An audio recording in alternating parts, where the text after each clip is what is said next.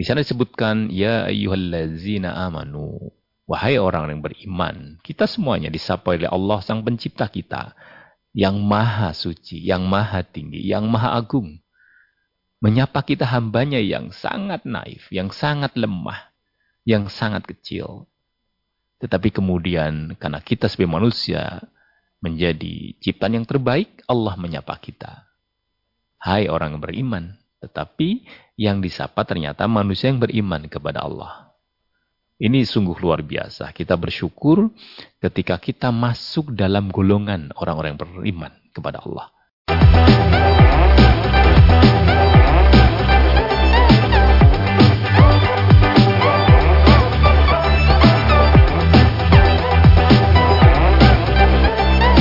Bismillahirrahmanirrahim. Assalamualaikum warahmatullahi wabarakatuh. Alhamdulillahirrahmanirrahim. Puji syukur senantiasa kita panjatkan kehadirat Allah Subhanahu wa taala atas segala nikmat yang Allah berikan kepada kita semuanya, terutama nikmat iman, nikmat Islam dan nikmat kesempatan kita untuk bisa kembali belajar Al-Qur'an dan Sunnah untuk kita terapkan dalam kehidupan kita sehari-hari.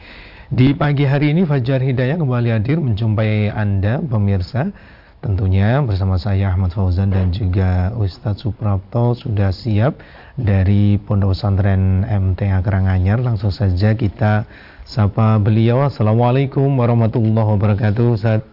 Waalaikumsalam warahmatullahi ya, wabarakatuh Mas se Fauzan. Sehat hari ini.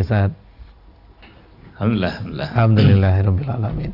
Baik pemirsa di mana pun Anda berada di sesi awal kita beri kesempatan Ustadz nanti untuk memberikan materinya, tausiahnya di pagi hari ini. Kemudian di sesi yang kedua nanti kami beri kesempatan juga untuk pemirsa yang nantinya ingin bertanya langsung kepada Ustadz di line telepon 02166793000 kemudian SMS WhatsApp di 08112 553.000 baik Pemirsa kita akan dengarkan tausiah yang disampaikan oleh Ustadz Suprapto terlebih dahulu. Silakan. Baik, bismillahirrahmanirrahim. Assalamualaikum warahmatullahi wabarakatuh.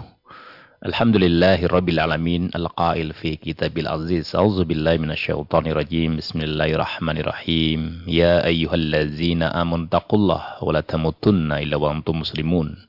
وقال من بعد آياته يا أيها الذين آمنوا هل أدلكم على تجارة تنجيكم من عذاب أليم؟ تؤمنون بالله ورسوله وتجاهدون في سبيل الله بأموالكم وأنفسكم. ذلكم خير لكم إن كنتم تعلمون. أشهد أن لا إله إلا الله وأشهد أن محمدا عبد رسوله. اللهم صل على محمد وعلى آله وأصحابه wa man tabi'ahu bisan ila yaumiddin nama ba'd. Bapak Ibu, saudara dan saudari semuanya yang berbahagia di pagi hari ini di akhir tahun di kalender Hijriyah. Kita sudah masuk di Hulu Hijjah dan alhamdulillah proses uh, fadilah-fadilah amal saleh kita di awal-awal bulan kita lalui bersama dan juga ibadah kurban yang sudah kita akhiri di beberapa hari yang lalu menunjukkan bahwa apa yang telah kita lakukan itu adalah wujud syukur kita kepada Allah. Oleh karenanya ketika kami mengajak kita bersyukur kepada Allah, pada hakikatnya adalah bagaimana kita mengingatkan kembali apa yang sudah kita lakukan, apakah itu masuk dalam kategori syukur atau kemudian belum ke kategori itu. Kalau dalam bahasa singkat tentu syukur itu adalah meninggalkan sesuatu yang maksiat, sesuatu yang dilarang oleh Allah dan Rasulnya. Sehingga kita memanfaatkan potensi yang Allah berikan kepada kita dalam bentuk berbuat baik. Bapak dan Ibu yang kehormati, di hari ini sebagaimana bulan yang kita tahu ini adalah bulan Dhul Hijjah.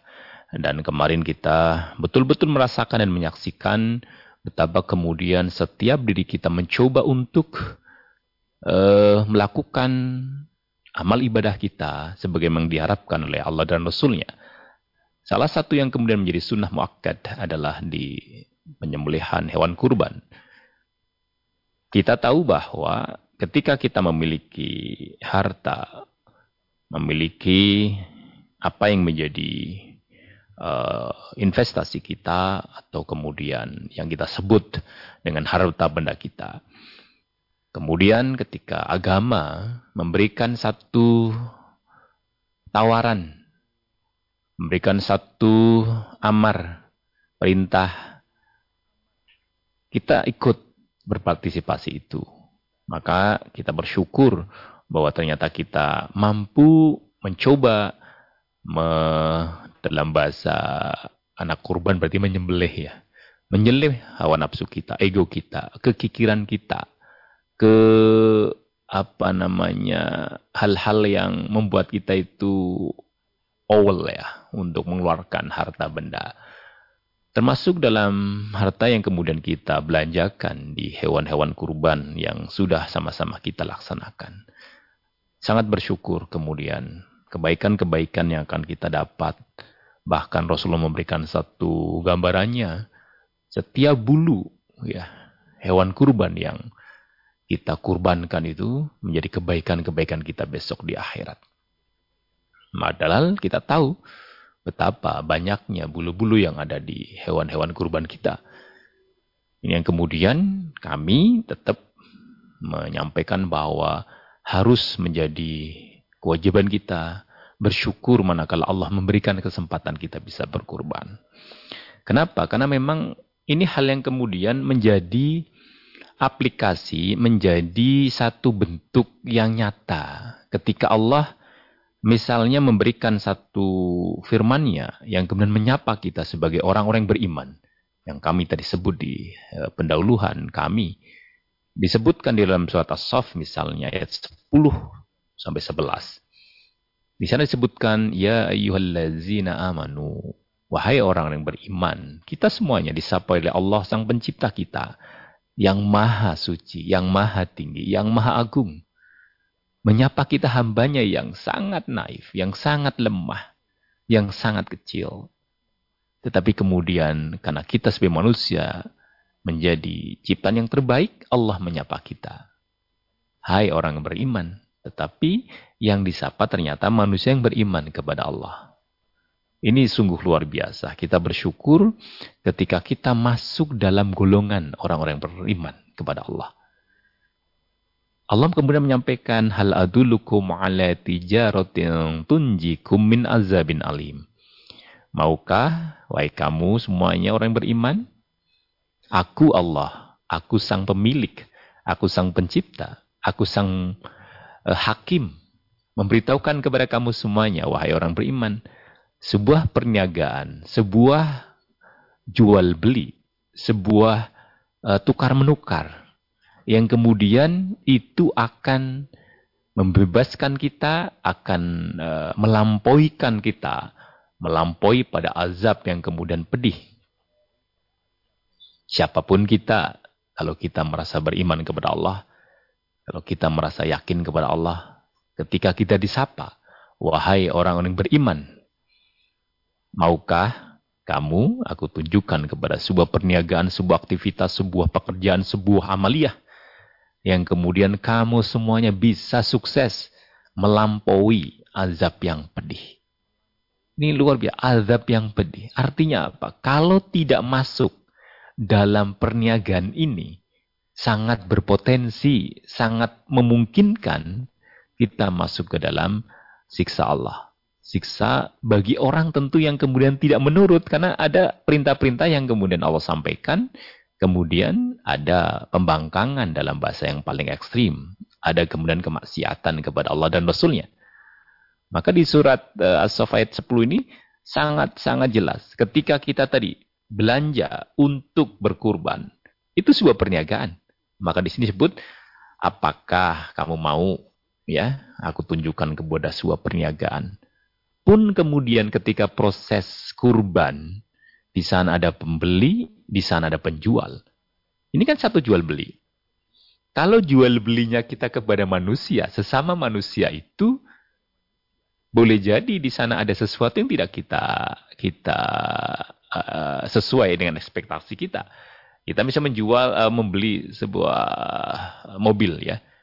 Ada tawaran. Ini kan Allah menawarkan jual beli kepada kita orang beriman.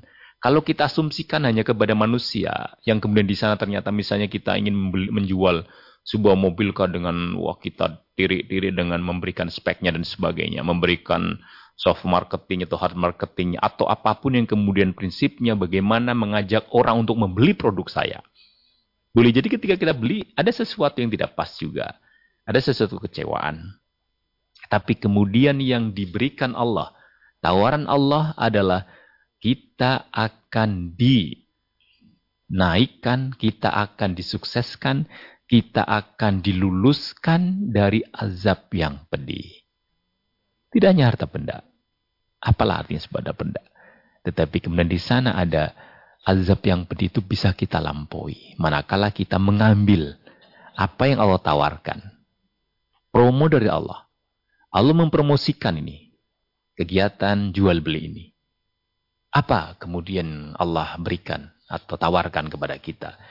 Di sana disebutkan untuk minuna billah wa Memang ini menjadi dua paket ya, dua paket iman kepada Allah dan Rasulnya. Dua Allah dan Rasul menjadi kemudian satu paket yang tidak terip, terlepas di, di ayat ini. Berimanlah kamu kepada Allah dan Rasulnya. Tentu ketika kita bicara iman, rukun iman yang enam melekat di dalamnya. Karena itu sudah disampaikan oleh Allah dan Rasulnya sendiri.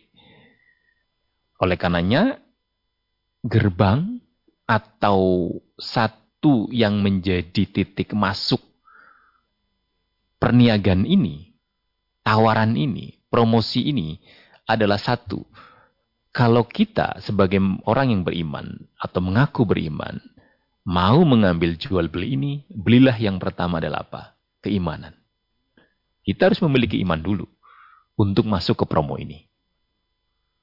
Oleh karenanya, tu'minuna billahi wa rasulih. Berimanlah kepada Allah dan Rasulnya. Kemudian, watujahiduna fi sabilillah. Dan berjihadlah di jalan Allah. Berusahalah semaksimal mungkin bagaimana usaha kita untuk menegakkan agama Allah yang tetap tegak. Tetap bisa kita dakwahkan. Tetap bisa kita laksanakan mentauhidkan Allah, menyatakan bahwa Muhammad adalah Rasulullah.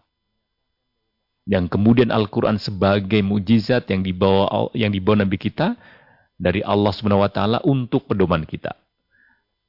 Semua usaha harus kita lakukan. Usaha apa pun yang harus kita lakukan dalam rangka menegakkan agama Allah, itulah jihad visabilillah. Kemudian memang jihad ini di sana ada dua Ya, bi amwalikum bang fusikum. Dengan harta kita, dengan jiwa kita. Tadi misalnya kita berjihad syiar ketika ada uh, prosesi atau ibadah kurban. Kita mengeluarkan harta kita untuk berkurban, untuk berbagi. Untuk menunjukkan bagaimana syiar Islam. Adanya ibadah kurban. Kita membiayai untuk para da'i berjuang, berdakwah. Kita membiayai pembangunan masjid. Kita membiayai sekolah-sekolah madrasah-madrasah, pesantren-pesantren. Kita membiayai perbaikan-perbaikan jalan di kampung kita. Kita membiayai fasilitas-fasilitas umum yang itu akan termanfaatkan kemaslahatannya di umat kita. Itu dengan harta kita. Kita membiayai sekolah anak kita, kita memberikan nafkah kepada istri kita. Itu bagian dari kewajiban yang kemudian juga visabilillah di dalam jalan Allah. Karena memang kewajiban suami tentu bagaimana memberikan nafkah kepada istrinya atau keluarganya. Juga dengan bianfusikum. Dengan diri-diri kalian. Dengan diri-diri kita. Kalau agama sudah memanggil kita dengan harta dan jiwa, maka itu adalah tawaran Allah dan zalikum khairulakum in kuntum ta'lamun. Dan itu semuanya lebih baik dari apa pun perniagaan, apa pun perdagangan yang ada, yang kita kenal di dunia ini. Investasi apa pun yang kita lakukan, kemudian memberikan satu margin yang sangat besar. Kita berinvestasi dalam reksadana atau kita berinvestasi dalam sebuah uh, perdagangan saham misalnya, perusahaan-perusahaan besar yang sekarang sedang melejit dengan satu lembarnya bisa mencapai di angka 600 ribu misalnya, atau 500 ribu misalnya. Kemudian bisa kita jual di 1-2 tahun ke depan karena prospeknya sangat bagus bisa di angka 1 juta atau 100% persen atau 60%. Tidak ada, tidak ada bandingannya. Karena yang dibandingkan tidak akan sama. Ketika kita di dunia apa? Kita mengejar sesuatu yang kemudian akan meninggalkan kita. Tetapi kemudian kita berbicara perdagangan dengan Allah, maka pada hakikatnya kita sedang mengambil dua jalan. Jalan di dunia kita mesti akan mampu bertahan hidup. Karena kita akan berjihad juga bagaimana kita bertahan itu untuk bisa menegakkan agama Allah. Dan kita juga sedang mengkreat, sedang membangun bagaimana pondasi kita menuju ke akhirat itu bisa berjalan normal, nyaman, karena sudah ada jaminan tunjikum min azabin alim. Infrastruktur yang kemudian kita bangun di akhirat dikonversikan dengan apa yang kita kerjakan sekarang. Keimanan kita kepada Allah dengan enam rukun imannya.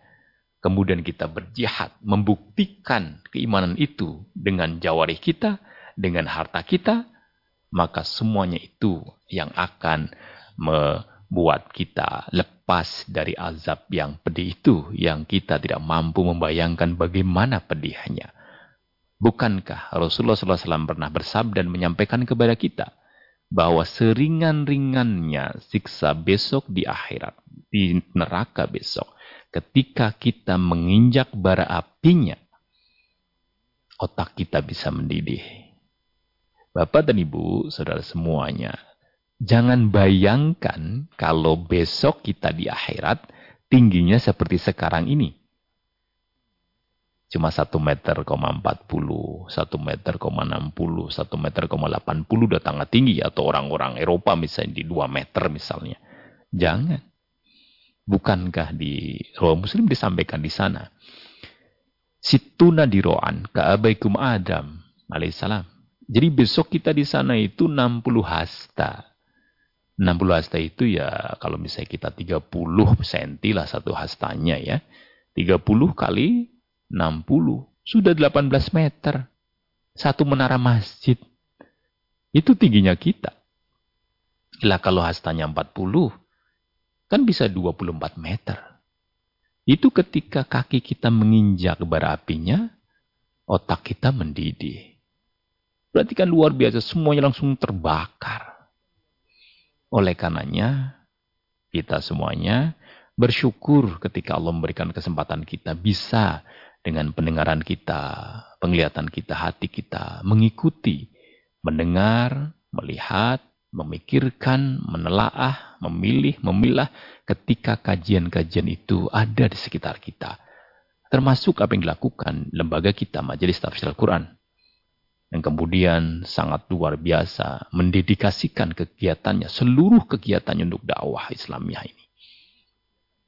Kenapa? Karena dengan ini kita bisa tahu bagaimana kita harus bersikap, bagaimana kita harus bertindak, bagaimana kita harus memanfaatkan apa yang Allah berikan kepada kita sebagai potensi-potensi hidup kita. Harta benda kita yang kita cari, yang kita kejar, akan kita tinggalkan. Maka bagaimana harta benda kita tidak meninggalkan kita, dikonversikanlah, dibelanjakanlah dengan apa yang Allah dan Rasulnya perintahkan, termasuk untuk jihad. Untuk menegakkan agama ini. Untuk kita memberikan kepada orang-orang yang membutuhkan. Kita memanfaatkan harta kita sebanyak-banyaknya untuk kemaslahatan umat. Untuk menegakkan agama ini. Apa yang dilakukan Bapak Ibu semuanya dengan wujud gedung-gedung pengajian kita di cabang-cabang, di perwakilan, di pusat, dan juga sekarang yang terbaru misalnya di Pondok Pesantren MTN yang sekarang sedang berkembang, sedang membangun untuk bagaimana bisa di enam tahun ini semua infrastruktur untuk ke Pondok Putranya bisa selesai dan nanti bergeser ke Pondok Putri itu semuanya dalam rangka jihad visabilillah. Kita menyiapkan generasi-generasi penerus kita yang lebih baik. Untuk mempersiapkan bagaimana mereka bisa mengenal agamanya dengan lebih baik. Dengan lebih awal. Kemudian dipraktekkan dalam lingkungan yang seperti lingkungan masyarakat. Yang sangat beragam dari berbagai daerah. Bagaimana mereka nanti akan bisa terdidik kehidupan di pondok ini untuk mempersiapkan mereka kembali ke masyarakatnya pun yang kemudian di SMP IT MTA, di SMP MTA, di SMA MTA, di SD SD IT kita Semuanya bagaimana mereka kita siapkan. Mulai dari kecil, bahkan dari prasekolahnya, di TK-nya, di RA-nya. Mereka dibina untuk tahu, mencintai kalimat-kalimat yang baik. Mencoba mengenal, dikenalkan bagaimana kita beribadah. Latihan sholat sampai kemudian mereka SD sudah mulai bisa sholat. Kemudian SMP sudah bisa. Kemudian ketika kita sudah SMA, tahu mengapa kita harus sholat. Apa hikmah dan sebagainya. Oleh karenanya Bapak Ibu yang hormati, di bulan Dhul Hijjah ini betul-betul marilah kita merasakan bahwa satu tahun dalam kalender Hijriah ini yang kemudian hampir berakhir di beberapa pekan ke depan atau dua pekan ke depan ini itu apa yang sudah kita lakukan dalam konteks jual beli kita kepada Allah. Konteks yang kemudian apa yang sudah kita lakukan ini apakah sudah memadai dengan apa yang Allah berikan kepada kita. Kenapa? Karena Allah Inna Allah minal mu'minina anfusam wa amwalahum bi anna lahumul jannah. Karena Allah sudah membeli bagi orang-orang yang beriman itu harta mereka, diri mereka itu dengan surga. Tadi kan tunjiku min azabin alim. Sukses melampaui azab yang pedih. Kenapa? Karena Allah sudah membeli. Membeli diri orang yang beriman, diri mereka, harta mereka, apa pun yang dilakukan ketika jihad visabilillah ini, maka kemudian Allah sudah membelinya. Allah sang pencipta telah membeli kita, harta kita, diri kita. Manakala kita beriman kepada Allah dan berjihad visabilillah, kita akan mendapatkan surganya. Tidak ada tempat lain. Visi besar kita adalah bagaimana kita bisa masuk ke dalam surganya karena rahmat Allah dengan amal-amal baik kita sehingga Allah menurunkan rahmat itu. Ini yang bisa kami sampaikan di sesi pertama. Mudah-mudahan bisa ya. mengingatkan kita semuanya bahwa jual beli yang kita lakukan adalah bukan jual beli biasa. Jual beli kita kepada Allah adalah jual beli yang kemudian berakibat kepada dunia dan akhirat. Mudah-mudahan bisa dipahami. Baik, syukran Ustadz ilmu yang sudah disampaikan di pagi hari ini. Kita jeda terlebih dahulu, pemirsa di mana pun Anda berada, kita hadirkan pesan berikut. Pastikan Anda terus bersama kami dalam program Fajar Hidayah. Pemirsa di mana pun Anda berada, terima kasih bagi Anda yang masih selalu bersama kami dalam program Fajar Hidayah. Kita lanjutkan di sesi yang kedua. Tentunya kami juga mengundang Anda untuk bisa bergabung, bertanya langsung kepada Ustadz di lantai telepon 02716793000 SMS WhatsApp di 08112553000 seperti yang satu ini di lantai telepon coba kita terima Assalamualaikum warahmatullahi wabarakatuh Waalaikumsalam warahmatullahi ya. wabarakatuh. Ya. dengan siapa di mana? Dengan Bumar di Telanggu. Iya silakan Ibu Umar eh, terima kasih. Assalamualaikum Pak Ustaz. Waalaikumsalam warahmatullahi wabarakatuh Umar ini, ini Ustaz tentang sholat Ustaz. Seumpama salat duhur dan asar udah di kosor jama terus sampai di rumah mendengar azan asar terus ikut jamaah benarkan apa tidak Ustaz pertama. Yang kedua suami saya kan punya kakak. Nah anaknya kakak suami saya itu sama saya boleh bersalaman apa tidak. Terima kasih. Wassalamualaikum warahmatullahi wabarakatuh. Waalaikumsalam warahmatullahi wabarakatuh. Baik, untuk yang ketika kita sudah jamak ya, jamak kosor misalnya takdim ya, kemudian kita pulang ke daerah mukim, di sana azan. Kalau kita sholat sudah mencukupi ibu.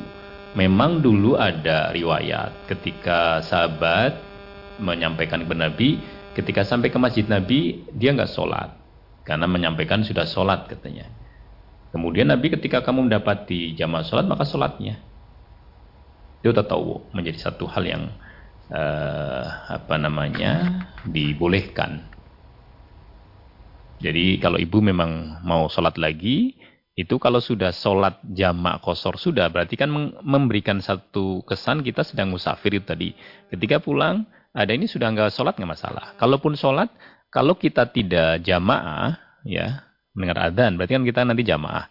Apalagi kita tadi sholat uh, kosornya kadang ikut duhurnya uh, jamaah ya kosornya untuk yang asar itu kadang kita sendiri karena mungkin kita kadang bepergiannya sendiri misalnya itu tidak apa-apa kemudian sholat ketika mendapati di mukim kita di azan, kemudian ada dia dirikan sholat, kita sholat lagi, tidak mengapa. Dengan berjamaah ya, dengan berjamaah. Kalau sendiri lagi ya nggak boleh. Itu ibu, itu yang pertama. Yang kedua, kalau kemudian e, suami kita punya kakak ya, atau istri kita misalnya punya kakak, apakah mahrum dengan kita? Ya enggak. Itu ya, nggak mahrum itu. Nggak boleh untuk kita berjabat tangan. Demikian ibu. Demikian mudah-mudahan bisa difahami. Coba kita beralih ke WhatsApp terlebih dahulu. Ustadz datang dari Pak Yanto yang dari Jember. Apakah kalau masih punya wudhu terus kita makan apa perlu berwudhu lagi Ustadz? Mohon dijelaskan. Tidak perlu karena makan tidak membatalkan wudhu. Ya. Demikian. Ya, Coba ya. di line telepon kembali. Assalamualaikum warahmatullahi wabarakatuh. Waalaikumsalam warahmatullahi ya. wabarakatuh. Ya. Dengan siapa di mana? Dengan Ibu Sri di Pacitan. Silakan Ibu. Iya, terima kasih. Assalamualaikum warahmatullahi wabarakatuh, Ustaz. Waalaikumsalam warahmatullahi wabarakatuh, Ibu. Iya, yang saya tanyakan, Ustadz, uh, apabila penerimaan mahasiswa itu gelombang pertama itu dengan cara nilai murni, tapi untuk gelombang kedua itu dengan cara memakai uang, mana yang uangnya besar itu yang diterima. Hal yang seperti itu itu termasuk suap apa bukan? Demikian. Yeah. Yang saya tanyakan. Terima kasih atas jawabannya. Oh iya, satu lagi Ustadz, maaf. Uh, satu, yang satu lagi yaitu uh, apa itu takbir takbir di waktu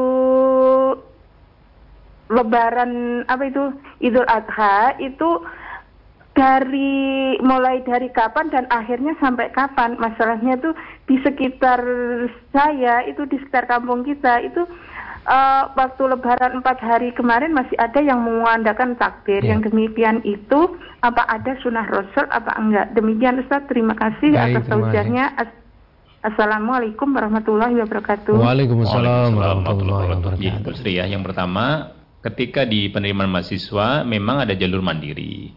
Di jalur mandiri biasanya kan kita mengisi itu, mengisi untuk apa namanya uh, kita menyebutnya kadang apa namanya. Kalau di kita kan ada atau mungkin bahasanya apa itu tadi ya, mengisi uh, kesanggupan gitu, kesanggupan uh, biaya ya, misalnya iya, iya. kedokteran yeah. bisa sampai hmm. 200, 500 misalnya.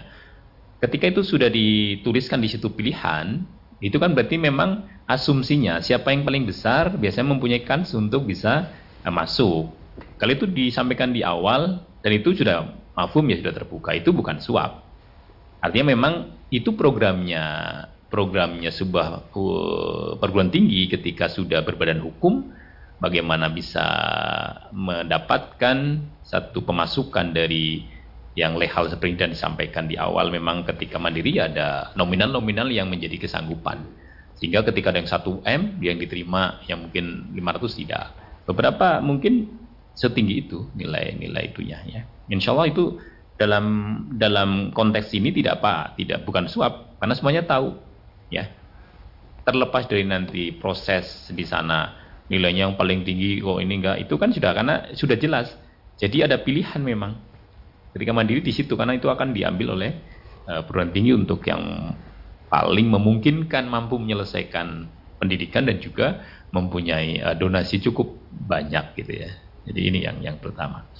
Yang kedua takbir yang kita pahami yang kita sudah pelajari itu ketika kita ada di tempat sholat kita. Itu kita mengumandangkan takbir. Jadi di tanggal 10 Dhul Hijjah ketika kita uh, akan melaksanakan sholat itu yang kita uh, sudah tahu dasarnya. Sehingga kalaupun yang lain demikian sebagai wujud untuk menggemakan takbir memperbanyak takbir itu sudah kita uh, tidak uh, tidak perlu menyalah-nyalahkan uh, mungkin beliau-beliau memberikan penafsiran dari ayat yang ada dari hadis yang ada dari juga uh, husnudon kita, mereka sudah memiliki dasar dan cukup dengan dasar itu. Ketika kita yang kuat dan dasar ketika kita di musola atau tempat sholat kita, di lapang kita, itu yang kita lakukan. Demikian Ibu Sri. Ya. Baik, demikian mudah-mudahan bisa difahami. Coba kita bacakan pertanyaan lagi di WhatsApp, Ustaz. Datang dari Ibu Tri yang ada di Kutuarjo. Pertama, saya ibu rumah tangga umur 45 tahun. Bolehkah saya bersalaman dengan anak laki-laki yang belum kitan? Kelas 2, 3, 4 SD. Karena setiap sore selain jadwal ngaji saya, anak-anak sekitar rumah saya belajar ikro bersama saya. Kemudian yang kedua, bolehkah? Iya, iya, lanjut. Bolehkah berzikir tahlil istighfar di dekat kamar mandi atau WC karena ketika mencuci baju atau mencuci piring saya berusaha berzikir. Ya, dua pertanyaan Ustaz, mohon dijelaskan. Baik. Jadi untuk uh, Ibu ya, untuk kita misalnya mengajarkan di TPQ atau TPA misalnya, kemudian uh, salaman, biasanya kan uh, pulang ya, pulang atau datang salaman, kalau dia masih usia 3, 4, 5 SD ya, 3, 3 2, 1 SD itu insya Allah tidak mengapa karena mereka belum uh, belum balik ya, belum balik insya Allah itu tidak mengapa. Sehingga kalau kita misalnya uh, apa namanya salaman dengan mereka, insya Allah tidak dosa. Kemudian kaitannya kita dengan berzikir di uh, dekat kamar mandi dengan beristighfar dengan kalimat-kalimat tobiah nggak apa-apa. Kan rumah kita apalagi kan juga bersandingan dapur dengan kamar mandi ya nggak apa-apa ibu. Jadi silakan saja sambil mencuci kita berzikir dalam hati kita melafatkan kalimat-kalimat thayyibah nggak apa-apa sambil masak. Apalagi sekarang masak daging untuk buat eh, bola-bola membuat uh, apa rendang membuat apa saja yang berbasis atau berbahan dasar daging daging kurban kemarin sambil bertakbir tahmid tasbih silakan saja beristighfar nggak apa-apa boleh saja ibu Ya. Kemudian berikutnya eh, coba kita baca pertanyaan yang ada di WhatsApp. Ya, Ustaz, eh, bahwa sholat itu berat itu terdapat di dalam Al-Quran atau hadis Ustaz? Baik, eh, di Al-Baqarah ya kalau kita memang masuk karena yang sholat itu berat termasuk di Al-Baqarah 45 itu juga ada ya jadi wasta'inu bis sabri wasalah wa innaha lakabiratun illal khosyin. Jadi di Al-Baqarah ayat 45 ini jadikanlah sabar dan sholat itu sebagai penolong kita. Dan sesungguhnya hal itu menjadikan sholat, menjadikan sabar kita penolong itu berat. Kecuali bagi orang-orang yang khusyuk. Alladzina yadunnuna annahum mulaqu rabbihim wa annahum ilaihi raji'un. Kecuali bagi orang yang kemudian yakin akan kembali kepada Tuhannya dan juga akan dikembalikan. Artinya memang dalam konteks ini sholat menjadi berat. Kecuali bagi orang betul-betul khusyuk kepada Allah. Yakin bahwa akan kembali kepada Allah. Karena setan itu dalam roh Bukhari itu kan ketika hamba itu tidur, itu kan ada tiga ikatan. Ketika mendengar azan atau mungkin jam setengah empat harusnya bangun dia mulai, itu sudah masih malam, masih malam. Tapi kemudian kita hamba bangun doa, lepas ikatannya satu Kemudian ketika kita wudhu, lepas ikatan yang kedua. Ketika kita sholat, lepas semuanya. Memang setan luar biasa. Akan membuat eh, kita itu malas untuk sholat. Dan itu pekerjaan orang munafik. Ketika orang munafik, mereka kusala ketika mengerjakan sholat malas. Kan begitu. Ya, mereka mengerjakan hanya untuk ria, uh, ria kepada manusia. Oleh karenanya memang menjadi berat bagi orang-orang yang tidak khusyuk. Sholat itu berat setiap hari minimal lima kali kita sholat. Dan sholat yang kita lakukan tentu bukan hanya sekedar sholat, tapi bentuk dikir yang paling tinggi untuk kita mengingat Allah.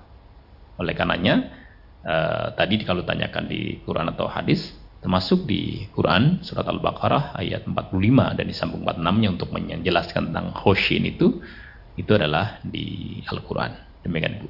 Ya. Baik Ustadz, kita sudah berada di akhir perjumpaan kita di pagi hari ini dan sebagai penutupnya bisa disampaikan Ustadz silahkan. Baik uh, Bapak Ibu, saudara semuanya yang berbahagia yang Allah rahmati dan kita senantiasa menghormatkan rahmat itu apalagi kita di akhirat nanti dengan rahmatnya kita masuk surga.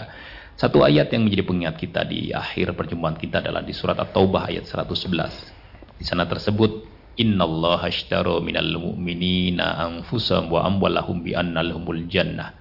Yuqatiluna fi sabilillah fayaqtuluna wa yuqtalun. Wa'dan alai haqqun fit Taurati wal Injili wal Quran. Wa man awfa bi ahdi minallah fastabshiru bi baikum alladhi bay'atum bih. Wa dzalika huwal fawzul azim sesungguhnya Allah telah membeli diri dari orang-orang yang beriman harta mereka jiwa mereka dengan memberikan surganya kenapa karena mereka berperang di jalan Allah mereka bisa membunuh atau mereka bisa terbunuh. Dan ini adalah janji Allah yang terdapat di dalam Injil, di dalam Taurat, di dalam Quran. Dan siapa yang lebih menempati janjinya selain janji dari Allah, maka bergembiralah bagi orang-orang yang beriman dengan jual beli yang mereka lakukan, yang kita lakukan. Dan itu adalah kemenangan yang besar. Ayat ini Bapak Ibu ya, senantiasa kita baca, senantiasa kita yakini bahwa ternyata kalau kita beriman kepada Allah, apa pun yang kita kerjakan, selama itu dalam koridor agama, lelah kita, harta yang kita keluarkan, penat kita, semuanya telah dibeli oleh Allah Subhanahu wa taala dengan surganya. Ada yang tidak ingin dengan jual beli ini? Allah membeli diri kita, Allah membeli harta yang kita keluarkan visabila ini dengan surganya.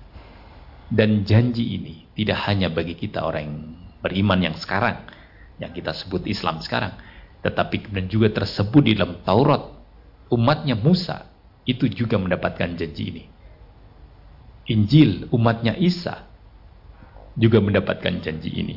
Dan Al-Qur'an yang kita baca di Taubah 111 ini menjadi satu kalam Allah yang nyata yang sampai kepada kita. Yang kita baca ini adalah janji yang tidak akan Allah ingkari. Bahwa siapa pun kita orang yang beriman telah dibeli oleh Allah.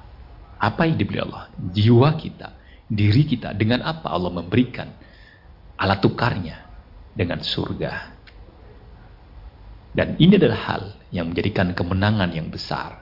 Tidak ada cita-cita yang paling tinggi kecuali kita akan bisa masuk ke dalam surganya. Kita bisa masuk ke surganya karena Allah ridho pada kita. Allah memberikan rahmatnya kepada kita. Bagaimana Allah memberikan rahmatnya kepada kita, ridhonya kepada kita? Ya dengan amal salah yang kita lakukan di dunia ini. Perjalanan di dunia ini, jalan hidup kita ini, umur kita ini sangat pendek untuk mempersiapkan perjalanan yang sangat amat panjang. Sangat amat panjang. Sangat amat berat. Begitu kita masuk gerbang kematian, maka di barzah kita akan menunggu. Selama kiamat belum datang, maka kita akan ada di barzah. Kalau kita mendapatkan kebaikan, kita akan senantiasa memohon kepada Allah untuk dicepatkan kiamatnya. Karena kita jelas diperlihatkan akan masuk surga. Tetapi ketika di barzah, kita dalam azab barzah, azab kubur, kita meminta kepada Allah untuk tidak ada kiamat. Karena sudah jelas ketika kiamat akan lebih berat lagi besok azabnya. Azab yang alim, yang pedih. Oleh karenanya kemudian sampai maksar, kiamat datang maksar, masih menunggu. Satu hari sana itu bisa seribu tahun, lima puluh ribu tahun kalau kita hitung di dunia ini. Oleh karenanya, sekali lagi, bergembiralah Bapak Ibu kita semuanya Allah memberikan anugerah keimanan kepada kita kita jaga keimanan ini dengan jalan bersyukur dengan cara tarkul ma'asi meninggalkan hal-hal yang maksiat tetap kita mengaji tetap kita mencoba memahami meyakini dan kita amalkan lembaga kita majelis tafsir Al-Quran memberikan kondisi memberikan fasilitasi untuk kita bisa beribadah seluas-luasnya untuk kita ber mencari ilmu seluas-luasnya dan sama-sama kita melaksanakan bersama dalam satu komunitas untuk saling tegur sapa dalam kesabaran dan ketakwaan kepada Allah Subhanahu wa taala. Mudah-mudahan dengan apa yang kita lakukan setiap hari bersama orang yang baik, bersama orang yang sabar dalam menyembah kepada Allah, kita akan bisa husnul khotim meninggalkan dunia ini dengan husnul khotimah dengan baik karena wala tamutunna illa wa antum muslimun. Mudah-mudahan Bapak Ibu kita semuanya bisa diberikan kemudahan untuk mencapai husnul khotimah ini. Amin. Dan Allah ridho kepada apa yang kita kerjakan sebagai amal baik. Sebagaimana janjinya bahwa Allah akan membeli dari diri kita, orang-orang beriman ini, harta kita dengan surganya. Mudah-mudahan bisa dipahami. Assalamualaikum warahmatullahi wabarakatuh. Waalaikumsalam warahmatullahi wabarakatuh. Terima kasih Ustadz materinya di pagi hari ini pemirsa. Di mana pun Anda berada, demikian tadi Fajar Hidayah untuk edisi Jumat ini. Terima kasih atas perhatiannya dan mohon maaf atas segala kekurangan. Saya Ahmad Fauzan undur diri. Alhamdulillahirrahmanirrahim. Subhanakallahumma bihamdika. Ashadu an la ilaha illa anta. Astaghfiruka wa atubu. Bila taufiq wal hidayah. Wassalamualaikum warahmatullahi wabarakatuh.